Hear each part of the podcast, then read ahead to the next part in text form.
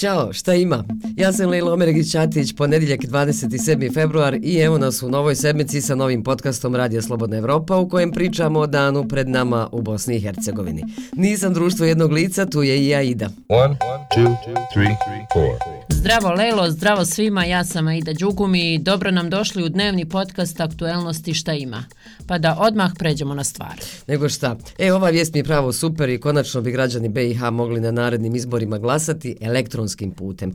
Pa tako danas Centralna izborna komisija zvanično počinje aktivnosti na projektu uvođenja novih tehnologija u izborni proces. Što, jel to nema više papira? Možda su se prepali klimatskih promjena pa nema više sječe šume za glasačke listiće. E da ja, i da idemo sad ozbiljno, početak projekta biće ozvaničen u saradnji sa delegacijom Evropske unije.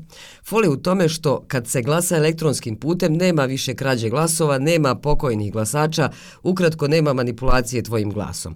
U testnom periodu biće održani simulirani izbori u deset opština i gradova uz korištenje elektronskog sistema. Eto, Ida, jesi li zadovoljna odgovorom? Evo, ne mogu iščekati svoj elektronski glas, nego da vidimo od onih bitnih političkih tema u BiH koje bi se mogli mogle raspetljavati ove sedmice. Kad smo već pomenuli glasove, nadam se da će se izbor građana ispoštovati pa da će se sutra na federalnom parlamentu konačno završiti saga oko izbora predsjednika.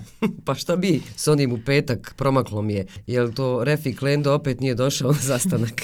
došao je i rekao ovo. I evo ja vas želim obavijestiti da smo se mi dogovorili da se nismo dogovorili.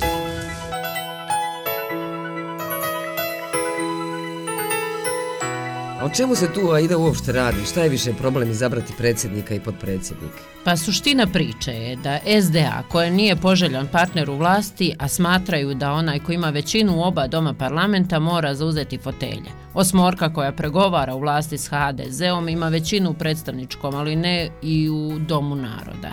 E tako se sad vodi bitka ko će sastaviti vladu federacije, jer SDA hoće da to učini s HDZ-om i SDP-om, ali novi koalicioni partneri to ne žele. Mhm. Mm Nego i da znaš što je mene onako baš zabrinulo. Vijest da nema citostatika što je ovih dana klinički centar u Sarajevo objavio. Jeste, Lelo, i mene je. A možeš tek misliti kako je onkološkim pacijentima. Zamisli, pored toga, kroz šta prolaze, mal te ne moraju podići kredit za svoje lijekove. Evo baš Amila Kasibović, od kad je čula za to, ne spava. To znači, znači da bi ja trebala da imam svaki mjesec 6000 maraka da bi ja produžila sebi život za mjesec dana. I ko je kriva ide za ovo, znali se? Kaže klinički centar da je odgovoran Zavod zdravstvenog osiguranja. A Zavod kaže da fali novca, da su komplikovane tenderske procedure, a i poremećaj na tržištu. U Zavodu kažu da će refundirati troškove za lijekove, a pacijenti da se na taj novac čeka mjesecima. Hajde Lelo da čujemo još kratko šta ima u regiji. Pa dobro, nije baš u regiji, ali je iz regije, u Briselu. Tamo se sastaju Vučić i Kurti u dijalogu Srbije i Kosova i ovaj put bi trebali da se izjasne o europskom prijedlogu rješavanja krize između te dvije zemlje i nekim je sasrećom. A i da, a i da jesi tu? Tu sam, tu sam prisutna. E, znaš šta je danas? Znam šta je danas, kidaju mi kredit u banci. E, to je vijest dana, svaka čast, ali nisi u fokusu, nego voliš li ti male polarne mede? Pa onako, malo me je strah, ali slatki su, moram da priznam i čime pitaš za njih mora da imaš neku informaciju. Ne bih te pitala da nemam. Obilježava se Međunarodni dan polarnih medvjeda. I nije novost da su klimatske promjene dovele do toga da su ugrožena vrsta. A na web portalu SciQuest sam pronašla podatak da ih je prije 100 godina bilo između 40 i 50 hiljada. Pa dobro, koliko ih sad ima?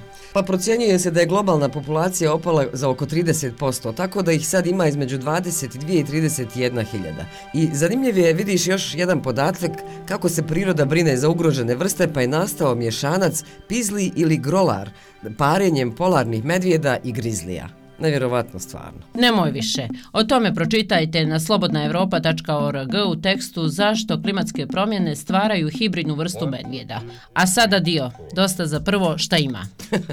Eto, slušajte nas opet sutra na istom mjestu u isto vrijeme. Sad znate gdje smo. S vama bile Aida i Leila. Ćao, čao. Ćao.